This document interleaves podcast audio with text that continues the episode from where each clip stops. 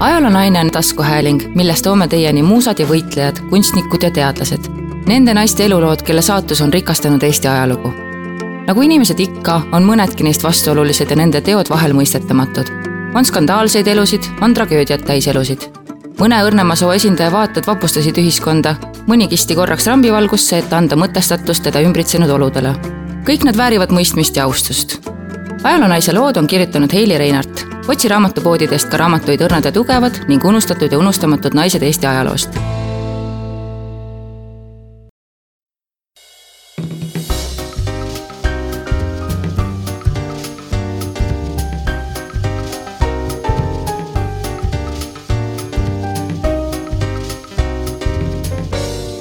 Ljubov Rimmi lugu Viljandimaalt Tuhalaanest pärit Ljubov Muti abikaasa oli Nõukogude luuraja Karl Rimm. igaks juhuks pani punavõim ta pärast sõda ligi kahekümneks aastaks vangi. tuhande üheksasaja viiekümne seitsmendal aastal naine rehabiliteeriti ning ta elas personaalpensionärina Viljandis oma elu lõpuni. Ljubov Mutt on ka kirjanik Mihkel Muti vana-vanaonu pojatütar Ljubov sündis kümnendal septembril tuhande kaheksasaja üheksakümne neljandal aastal Tuhalaane vallas Arukülas Taki talus Johann ja Anna Muti vanima lapsena. isa pidas Kuusiku kõrtsi ja poodi ning oli tuntud kui poe Jaan. hiljem sündisid perre veel kaks tütart, Veera ja Nadežda. kuna perekond oli õigeusklik, siis sealt ka tütarde venepärased nimed. alghariduse sai Ljubov Tuhalaane algkoolis tuhande üheksasaja kuuendal aastal kolisid vanemad Pärnusse tööd otsima ja Ljuba koolitee jätkus Pärnu Eesti Kooliseltsi koolis. juba seal oli noortel väike revolutsiooniline põrandaalune ring Laine, mille liikmetest Ljubov Mutt oli noorim. vahel korraldasid nad kõnekoosolekuid ja nii mõnigi kord leidsid need aset Muti korteris, kui vanemad olid pühapäeviti kirikusse läinud. enne esimest maid käisid tüdrukud salaja ka lendlehti tänavatele kleepimas kui kool oli lõpetatud, kerkis üles küsimus tööle asumisest. Ljubov oli käinud saksa ja prantsuse keele kursustel ja sai soovituse lapsehoidja kohale Vene ohvitseri Andrei Rastorishini perekonda. kui perekond pärast suvitushooaja lõppu Pärnust lahkus, kutsusid nad noorukese tütarlapse endaga kaasa Moskvasse, et ta jätkaks nende poja Volodja kasvatamist. Rasdorishinid olid aristokraadid Ljubovile tulid edaspidises elus vägagi kasuks vene keele oskus ja need peened kombed, mida ta tänu sellele perekonnale õppis. kui algas revolutsioon, langes ohvitseri perekond terrori ohvriks, kuid Ljubov pääses. kuna talle oli alati meeldinud lilledega tegeleda, läks ta lillekasvatajate kursusele. kuid see oli täielik läbikukkumine, keegi ei vajanud sellisel ajal Venemaal lilli. Polnud parata, tuli minna õdede kursustele tuhat üheksasada kaheksateist astus ta Moskva meditsiinitehnikumi. Ljuba arvas, et siis ta saaks vähemalt rindele minna. ühel päeval sai ta teada, et Aleksandra Kollontai peab ühes kinos kõnekoosolekut. ka tema läks sinna. Kollontai ettekanne oli nii sugestiivne, et Ljubov on öelnud, kui sa enne enamlane polnud, siis pärast selle kõne kuulamist sa olid kommunist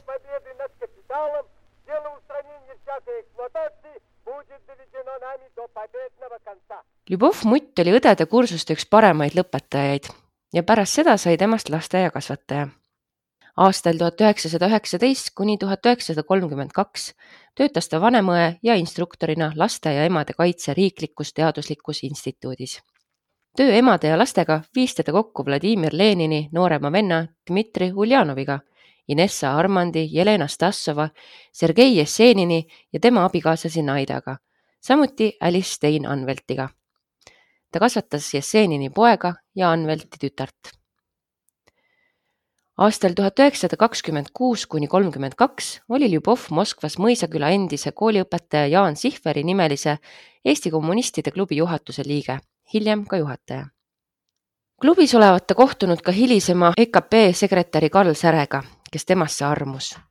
Noortel olevat plaanis isegi abielluda, kuid partei soovitas Särel abiellumine edasi lükata, sest ta pidi tööle suunatama Kominterni Kaug-Ida büroosse. mõnest Särest kirjutanud autorid on maininud, nagu oleks nende suhe viljakas ja Ljubov olevat sunnitud olnud tegema aborti oma mehe nõudmisel, mille tagajärjel jäänud viljatuks uurija Tiit Noormets on avaldanud arvamust, et siinkohal on tegemist siiski kena väljamõeldisega. Üheski kompartei arhiivis sisalduvas dokumendis ei kajastu fakti, nagu oleks Karl Säre tuhande üheksasaja kahekümne viienda aasta algul viibinud Moskvas. seega arvab Noormets, et tegemist ongi ilusa luiskelooga tuhande üheksasaja kahekümne viiendal aastal tutvus Ljubov oma tulevase abikaasa Karl Rimmiga.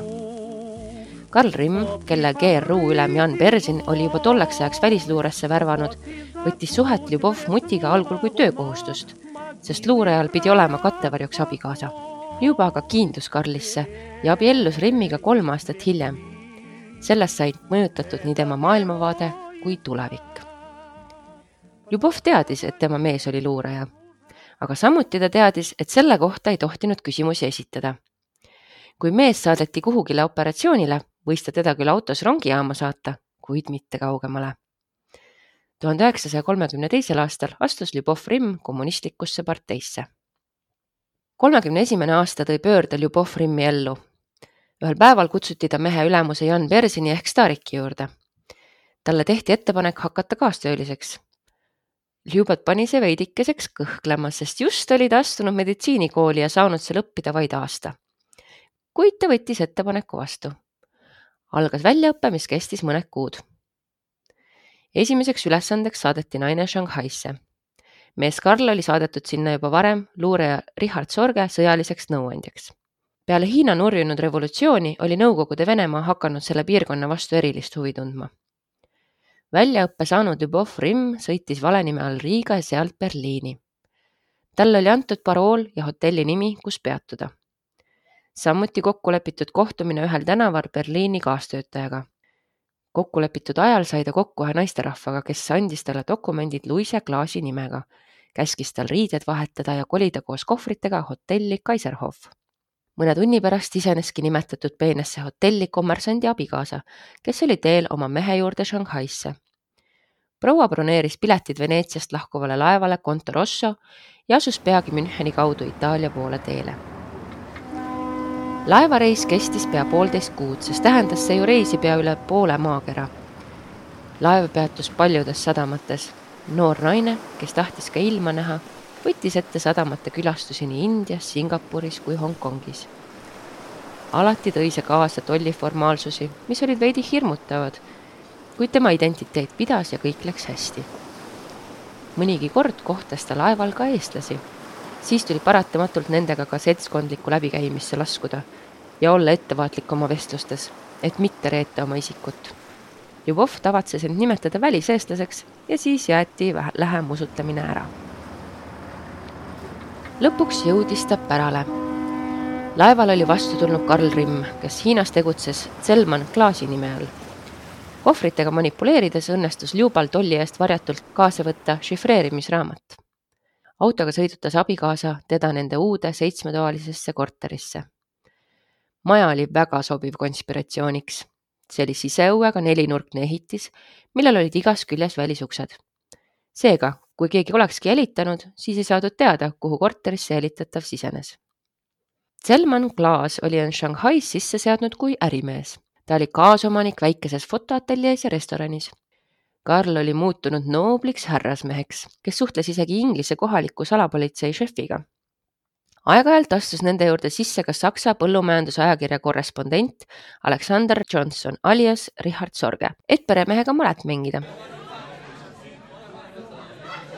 ta oli sage külaline ka õhtustel koosviibimistel nende korteris, kuhu kogunes teisigi luurajaid juba saatis tavaliselt siis oma teenijannad ja koka minema ning serveeris söögid ise pärast kuulati muusikat ja tantsiti. Sorge olevat olnud hea tantsija, kuigi ta veidi oma haavatud jala pärast lonkas. omavahel suheldi seltskonnas ainult saksa keeles. Ljubov Rimm on hiljem meenutanud Richard Sorget, meeldiva välimusega inimene, pikk, laiaalgne, sportlase tüüpi mees, ainult lonkas. Sorge oli Nõukogude luuretöötaja hüüdnimega Ramsey, tuhande üheksasaja kolmekümne kolmandast aastast luuraja Jaapanis kus ta kogus infot selle riigi koostöö kohta Saksamaaga. Sorge arreteeriti tuhande üheksasaja neljakümne esimesel aastal ning hukati tuhat üheksasada nelikümmend neli. seda luuregruppi kureeris kommunistliku internatsionaali kaudu tollane GRU ülema asetäitja, Soome päritolu poliitik Otto Kuusinen, Shanghais töötas ka Kuusineni abikaasa Aina Kuusinen. sidet Jaapani, Shanghai ja GRU vahel korraldas Amuri laevastiku eestlasest luureülem kapten Felix Kert. Peene seltskonnadaamina tuli proua Klaasil ka seltskonnas käia, samuti kirikus ja vastuvõttudel kuid tegelik töö seisis dešifreerimises, sõnumite edastamises ja kontaktidega kohtumises. Ljubov on meenutanud ühte eriti närvsöövat kohtumist, mis leidis aset tüüpilise spionaažifilmi stsenaariumi järgi. ta kohtus mingis pargis oma kontaktisikuga. mõlemad tulid punastes vihmamantlites, käes ajaleht ja istusid ühele pingile. Veidi aja pärast lahkuti ajalehti vahetades.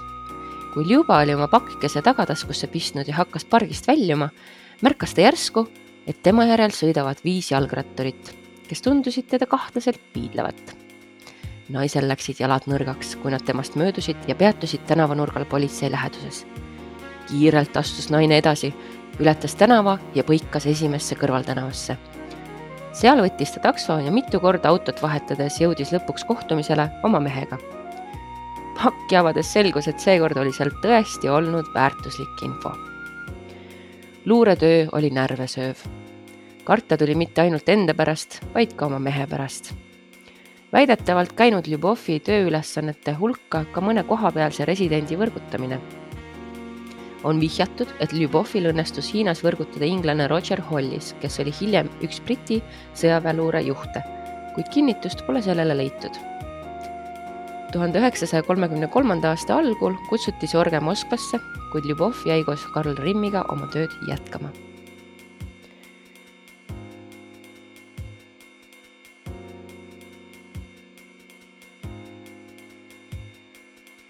Vahelejäämisohu kasvades kutsuti Rimmid kolmekümne viiendal aastal Moskvasse tagasi.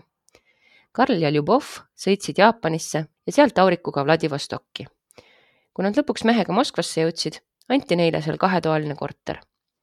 kuna Ljubovi isa oli selleks ajaks juba surnud, kutsus ta ema Anna Moskvasse elama. Ljuba põhitööks sai aastail kolmkümmend viis kuni kolmkümmend seitse šifreerimine GRU peamajas ja ülemuse abina tegutses ta ka luurevalitsuse raamatukogus.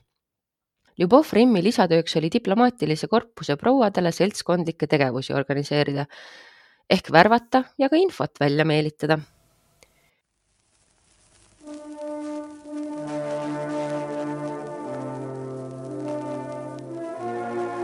paraku ei päästnud kogu see ennastsalgav tegevus perekond Rimmi Stalini repressioonidest. Ljubov ja Karl arreteeriti üheteistkümnendal detsembril tuhat üheksasada kolmkümmend seitse. Pärast arreteerimist visati Ljubov parteist välja. Karl Rimm mõisteti süüdi kontrrevolutsioonilises terroriorganisatsioonis osalemises ja hukati kahekümne teisel augustil tuhande üheksasaja kolmekümne kaheksandal aastal Ljubov aga istus kolmekümne seitsmenda aasta detsembrist kuni kolmekümne üheksanda aasta juulini Moskvas Butõrka vanglas. NKVD erinõupidamine mõistis Ljubov Rimmile kui rahvavaenlasele kahekümnendal aprillil tuhat üheksasada kolmkümmend üheksa kaheksa aastat vabaduse kaotust. Ljuba ema suri tuhande üheksasaja neljakümne kolmandal aastal Moskvas nälga Voroneži sõjatribunal rehabiliteeris Ljubov Rimmi kahekümne kolmandal aprillil tuhat üheksasada viiskümmend seitse. pärast seda oli naine lõpuks vaba ja võis tulla elama Eestisse.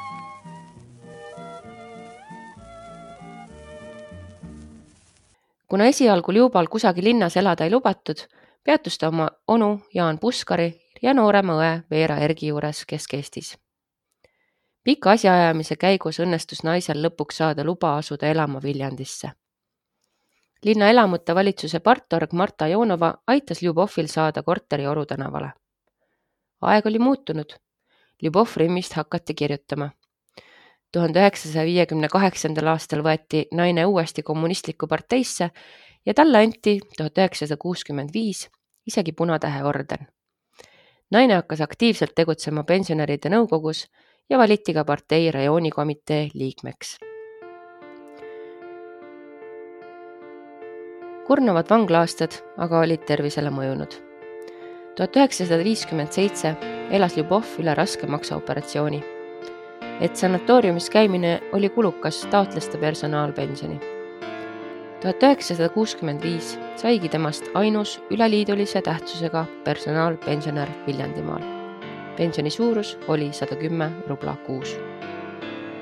Ljubov Rimm suri Viljandi Keskhaiglas kahekümne üheksandal juulil tuhande üheksasaja seitsmekümne kuuendal aastal maksavähki. ta on maetud Viljandi metsakalmistule